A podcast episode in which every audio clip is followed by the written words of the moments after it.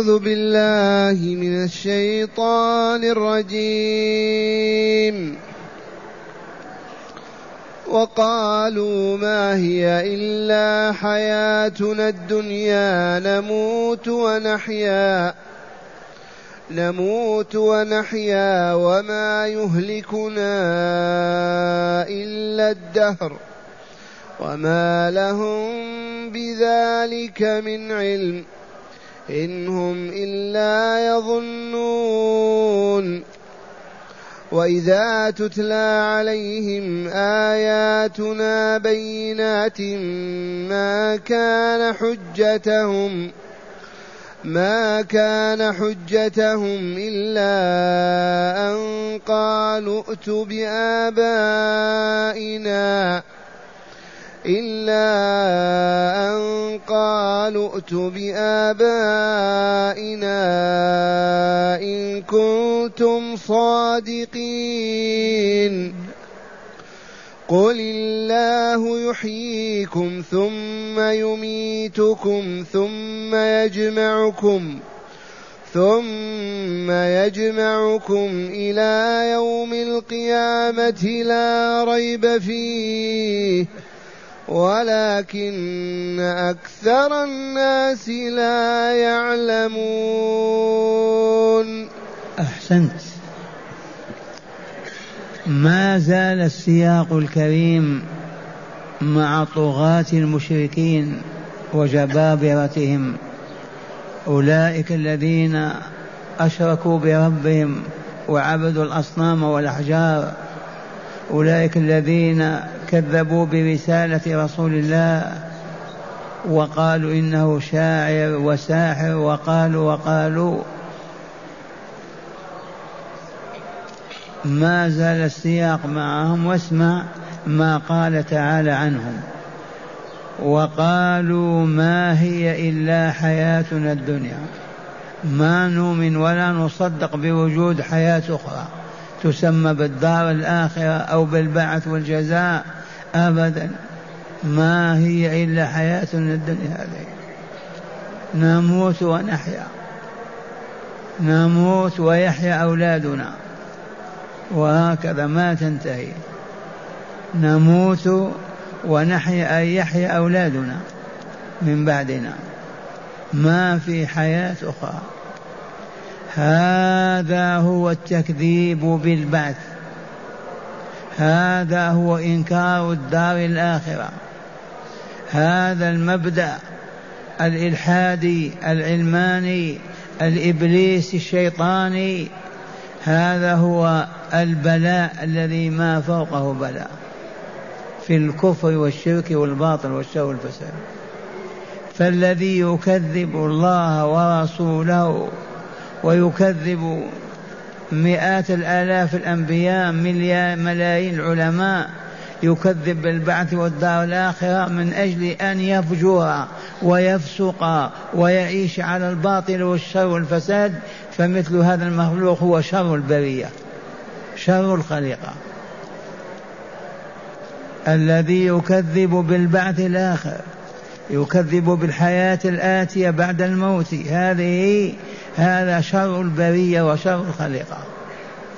ومع الأسف الملايين من العلماء الآن من اليهود والنصارى والمجوس وما ما يطيرون في السماء ويغوصون في الماء وينكرون البعث والدار الآخرة. بتغرير الشيطان بهم وتزيين لهم الباطل والشر في الفساد. وها هم في مكة يخبر تعالى عنهم قال وقالوا ما هي إلا حياتنا الدنيا؟ ماذا يقول هذا محمد؟ ماذا يهددنا؟ ماذا يخوفنا؟ يريد أن نترك عبادتنا يريد أن نترك ديننا بهذا التهديد والتخويف. ما هي إلا حياتنا الدنيا؟ نموت ونحيا. دي كلماتهم. من قالها قال ومن صدقه فيها صدقه. من أبي جهل لا عقبة بن أبي معيط. وقالوا ما هي إلا حياتنا أي هذه نموت ونحيا. ليس معناه ونحيا بعد موتنا لا. نموت ونحن نموت نحن ويحيا أولادنا من بعدنا وهكذا. جيل يحيا وجيل يموت. ما في حياة أخرى ولا بعث جزاء. وهذا هو التكذيب باليوم الآخر. صاحبه شر الخلق. والذي يضعف هذا المعتقد في نفسه والله ما يستطيع أن يستقيم أبدا. لا بد وأن يعوج وينحرف. لكن إذا تمكن هذا العقل القلب من هذا الاعتقاد من النفس صاحبها يصبح يحاسب نفسه عن النظر ينظرها والكلمة يقولها. لعلمه أنه سيحاسب على هذا العمل ويجزى به وذلك يوم البعث في الدار الآخرة. وقالوا ما هي إلا حياتنا الدنيا نموت ونحيا. وما يهلكنا إلا الدهر. الذي يفنينا ويهلكنا هو الدهر فقط. أي اليوم والليل. هذا هو الدهر. وورد في السنة النبوية الشريفة أن الرسول قال يقول الله تعالى يخزيني ابن آدم. يخزيني ابن آدم يؤذيني ابن آدم يسب الدهر وأنا الدهر أقلب الليل والن... بيدي الأمر أقلب الليل والنهار. يسبني ابن آدم. يؤذيني وورد أيضا يسبني. يؤذيني ابن آدم. فيسب الدهر. لما يسب الدهر؟ لأنه في نظر يسب الله. يسب الدهر والله هو الدهر وأنا الدهر. بيدي الأمر أقلب الليل والنهار. هذا المعتقد الباطل كان عليه كثيرون من العرب المشركين والآن عليه كثيرون من الناس. وورد أيضا خيبة الدهر لا تقولوها فإن الدهر هو الله. لا تقولوا يا خيبة الدهر فإن الدهر هو الله. ما معنى الدهر الله الليل والنهار من خلقهما الله عز وجل هو خالقهما ليس معنى أنه هو الليل والنهار بل هو خالق الليل والنهار. فكيف يصبح الليل والنهار إلها يعبدونه؟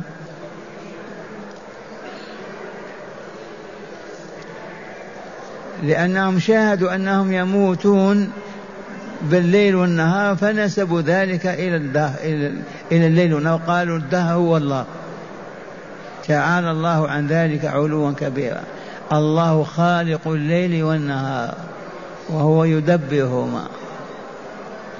وهكذا قالوا وما هي إلا حياتنا الدنيا نموت ونحيا وما يهلكنا إلا الدهر لا يميتنا إلا الدهر. هذا كله ناتج عن جهل وعدم علم وبصيرة لو عرفوا أنهم مخلوقون وخالقهم الله وأنهم يموتون ومميتهم الله وأخبرهم أنه سيعيد حياتهم ويجمعهم في صعيد واحد ويحاسب ويجزيهم. لو آمنوا هذا الإيمان لاستقاموا ولا نجوا وكملوا وسعدوا. لكن الشياطين تزين لهم هذا الباطل وتحسنه في قلوبهم. ينسبون الدهر إلى الله. الله هو الدهر. الله خالق الدهر.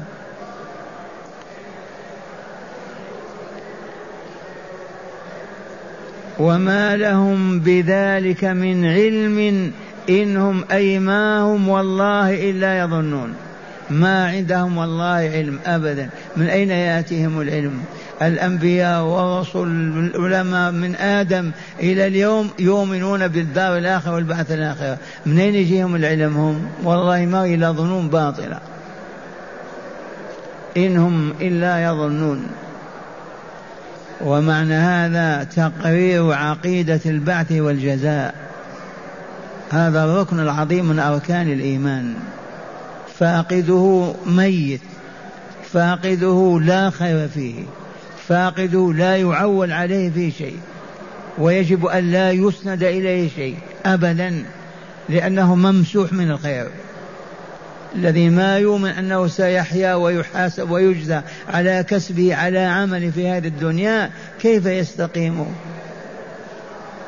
ثم الله يعبث يخلق هذا الخلق كله بس فقط ويفنيه فقط. هذا يقوله عاقل.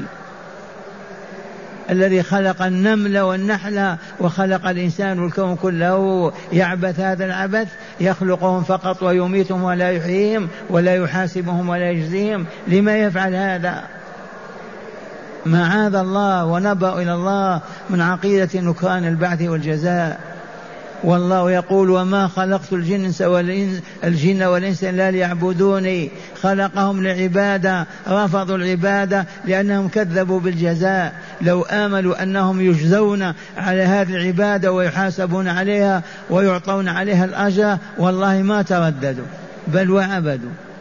لكن ما يريدون أن يعبدوا الله فينفون لقاء الله البعث الآخر. ثم قال تعالى عنهم أيضا وإذا تتلى عليهم آياتنا بينات إذا قرأ عليهم رسولنا صلى الله عليه وسلم أو أبو بكر أو عمر أو أنت أو أي إنسان في أي زمان أو مكان قرأت عليه الآيات ليستدل به على وجود الله وعلمه وقدرته وعلى البعث الآخر والجزاء فيه. إذا تلت على آيات الله ماذا يقول؟ ما كان حجتهم إلا قالوا ائتوا بآبائنا إن كنتم صادقين. هذه الحجة الواهية الباطلة الهابطة. تقرأ عليه الآيات الدالة على البعث والجزاء والحياة الآخرة التي هي الأصل. هذه الحياة موعود أيام محدودة فقط والحياة الخلد والبقاء الدار الآخرة. ثم تتلو تتلو عليهم هذه الآيات يقولون ائتوا بآبائنا إن كنتم صادقين. أحيوا لنا آباءنا. فإذا أحييتموهم آمنا بأن الدار الآخرة حق. لو أحياهم الله لهم والله ما آمنوا. أبدا. وإذا تتلى عليهم آياتنا بينات واضحة دالة على أنه لا إله إلا الله دالة على أن محمدا رسول الله دالة على أن الدار الآخرة حق. وما يجري فيها من الحساب والجزاء حق. ومع هذا يقولون إن كنتم كما تقولون ائتوا بآبائنا. يقوم الرسول يأتي بجدهم وإلى بآبائهم. هذا من شأنه. كيف نأتيهم بالأموات؟ والله أماتهم. ثم مع هذا والله لو جاءهم أباهم ما آمنوا. فالذي طبع على قلبه وختم ما يؤمن أبدا. لكن هكذا يهربون من الحق ويفرون منه. وإذا تتلى عليهم آياتنا بينات ما كان لهم من حجة ابدا أي قول يقولونه إلا قولهم ائتوا بآبائنا إن كنتم صادقين. هاتوا آباءنا وأمهاتنا وبذلك نؤمن. يقول هذا ذو عقل ودين وفهم نحيي الموت من أجلك. والله خلق الحياة الآن والموت من أجل الحياة الثانية. فإذا كان يحييهم لما يحييهم مرة ثانية؟ ما معنى إحياهم ما يجوز. لا معنى لإحيائهم عبد. أحياهم ليعبدوا أو يكفروا به شأنهم أماتهم. وبعد ذلك سيحييهم قطعا وحتما ليجزيهم على أعمالهم وعلى إيمانهم وعلى كفرهم وشركهم. هذا هو الجهل هذا هو الاعتقاد الفاسد والعياذ بالله. إيتوا بآبائنا إن كنتم صادقين في أننا لا بد نحيا من جديد ونحاسب ونجزى على أعمالنا. قال تعالى قل يا رسولنا لهم قل الله قل الله يحييكم ثم يميتكم ثم يجمعكم إلى يوم القيامة. قل لهم يا رسولنا بلغ وهو يبلغ وهم كالحجارة ما يسمعون. قل لهم يا رسولنا الله الذي خلقكم يحييكم. أما كنتم أمواتا نطفة ميتة وإلا لا فنفخ فيها الروح فحيت أحياهم وإلا لا ثم يميتكم كما تشاهدون واحد بعد واحد وإلا لا ثم يجمعكم مرة ثانية. في صعيد واحد الحساب والجزاء. علمهم هذا يا رسولنا؟ ومع هذا نستغفر الله ونتوب إليه. قد آمنوا واعتقدوا البعث الآخر ودخلوا في الإسلام إلا قليلا منهم ماتوا على كفرهم. بمعنى هذه الآيات أدت واجبها وأدت رسالتها. آمنوا. لما دخل السنة الثامنة مكة فبقي واحد كفر آمنوا قل الله يحييكم ثم يميتكم. أحيانا الآن وإلا لا. أما كنا أمواتا ما كنا نطفة لا علاقة بالحياة أبدا. من نفخ فيها الروح؟ وأحياها الله. أحيانا إذا بعد موت ولا لا. ثم يميتنا واحد بعد واحد كما تشاهدون. وبعد ذلك يجمعهم مرة واحدة. الحياة واحد بعد واحد الموت بعد واحد جيل بعد جيل لكن حياة الآخرة ساعة واحدة في جماعة واحدة. لماذا؟ لأن هذه للعمل والجزاء والكسب والأخرى للجزاء إذا يحضرون كلهم في ساحة واحدة. قل الله يحييكم ثم يميتكم ثم يجمعكم إلى يوم القيامة. لا ريب فيه. والريب الشك وثياب النفس واضطرابها وقلقها من أنواع الشك والوسواس والهواجس والظنون. هذا اليوم لا ريب فيه ابدا. والله لا بد منه. وعما قريب والبشرية تقترب يوما بعد يوم من هذه الحياة. ثم قال تعالى ولكن أكثر الناس لا يعلمون. صدق الله العظيم. والله إن أكثر الناس لا يعلمون. اليوم قبل اليوم وبعد اليوم. من هم الذين يعلمون؟ آمنوا بالله وكتابه. آمنوا بالله ورسوله. آمنوا بالله وشرعه. آمنوا بالله وأخباره وآياته. يدرسون ويجلسون مع العلماء ويتعلمون. والذين ما يسمعون هذا الكلام الإلهي كيف يؤمنون؟ ما يعتقدون أن حياة أخرى ما يصدقون. امشي إلى روسيا أو اليابان أو الصين وأخبرهم. قل لهم إنكم والله لتبعثون مرة ثانية لتحاسبوا. يضحكون ويسخرون ويصفونك بصفات. لأنهم ما عرفوا. اسأل الذين علموا قرأوا كتاب الله وآمنوا برسول الله وعرفوا دين الله والحساب والجزاء يوم القيامة وأخبره. يخبرك نعم صدق الله العظيم. لا بد من الحياة الثانية من أجل الجزاء فيها على الحياة الأولى. وهذا الذي قرناه ألف مرة. ما السر في هذه الحياة؟ ما العلة في وجودها؟ والله إنها العمل. ما السر في الحياة الثانية لما يوجدها الله؟ والله إنه الجزاء. هذه دار عمل وتلك دار جزاء وإلا لا؟ هذه دار عمل والواقع لما خلقنا لما رزقنا لما وهبنا أسماعنا أبصارنا عقولنا أيدينا من أجل أن نعبده. والله! وإذا والجزاء متى يكون؟ ها نشاهد يميتنا يميتنا ليحيينا ويجزينا في الدار الآخرة. نظر إلى الله من الشرك والكفر والجحود والإلحاد آمنا بالله ولقائه آمنا بالله ورسوله آمنا بالله وكتابه. لا إله إلا الله محمد رسول الله والساعة آتية لا ريب فيها وأن الله يبعث من في القبور. الآن مع هداية الآيات. بسم الله والحمد لله. والصلاة والسلام على خير خلق الله سيدنا ونبينا محمد وعلى آله وصحبه. من هداية هذه الآيات أولا تقرير البعث والجزاء. من هداية هذه الآيات التي تدارسناها الآن بفضل الله تقرير عقيدة البعث والجزاء. يا عباد الله ما المراد بالبعث؟ تعرفون حزب البعث ولا لا؟ تعرفونه. البعث ما هو أن يبعثنا كنا لاصقين بالأرض يخرجنا من الأرض. يبعثنا. البعث لماذا يبعثنا من جديد؟ لنعبده.